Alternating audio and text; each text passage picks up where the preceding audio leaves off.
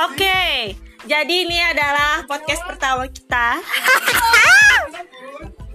jadi em, kita akan eh, random talk aja sih, tapi kayak lebih ke percintaan sih kebanyakan kayaknya ya.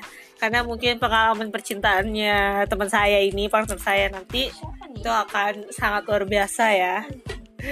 Eh, dari SD sudah ada kisah cintanya. Nanti mungkin kita akan lebih dalam apa ya mengkorek lah ya.